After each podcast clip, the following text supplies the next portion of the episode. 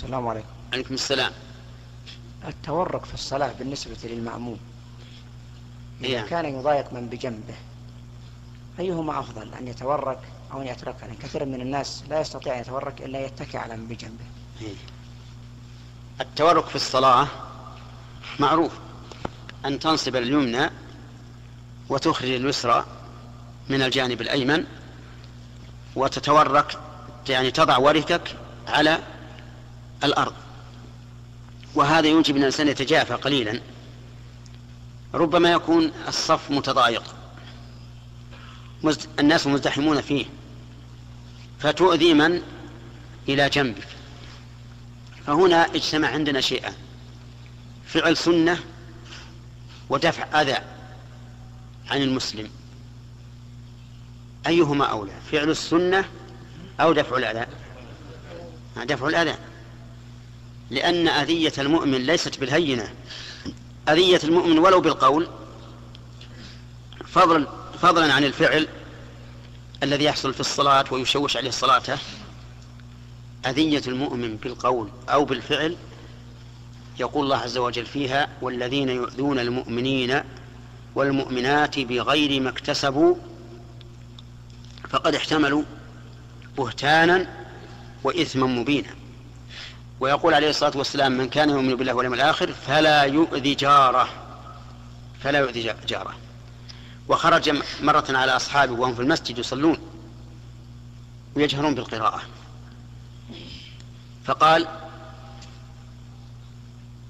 كلكم يناجي ربه فلا يؤذين بعضكم بعضا في القراءة. وين الأذية؟ الأذية أنك إذا جهرت شوشت على اللي حولك. تشوش على اللي حولك. فتؤذيه فتؤذيه. ومن ثم نعرف أن بعض الإخوة الذين يصلون بالميكروفون الذي يسمع من المنارة ويشوش على المساجد التي حوله أنهم ليسوا على صواب.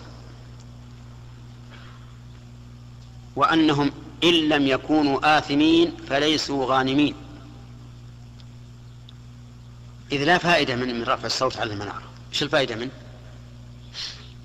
هل في فائدة؟ أبدا. ما في فائدة. فيه مدعاة للكسل. لأن بعض الناس اللي في في, في, في البيوت يقول توه مصلي توه بادي. اصبر.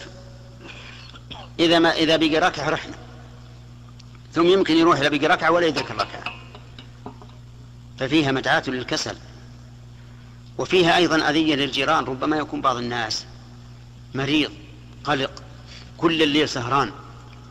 أذن الفجر فصلى الفجر ثم رقد ليستريح فيأتي هذا الصوت الكبير فيزعجه ولا يصل ولا ينام. هذه أذية. والمساجد الأخرى أيضا تتأذى. بلغنا أن بعض الناس لما كبر المسجد اللي بجاره نعم تابعه. تابعه هذه إخلال بمتابعة إمامه. ما سببها؟ سببها هذا الميكروفون اللي, اللي يسمع من المنارة. وبلغني عن بعض الناس. قال إن لنا مسجد يعني لا إن لنا مسجدا قريبا منا. قراءة إمامه جيدة. أداء طيب وصوت جميل. وإمامنا من الناس اللي تمشي حاله. فكان إذا قرأ إمام الإمام اللي بجارنا تابعته وأنصت لقراءته وخليت إمامنا يسرح. هذه أذية أذية عظيمة. وأنا دائما أفكر ما هو ما هي النتيجة التي نحصلها من وراء هذا.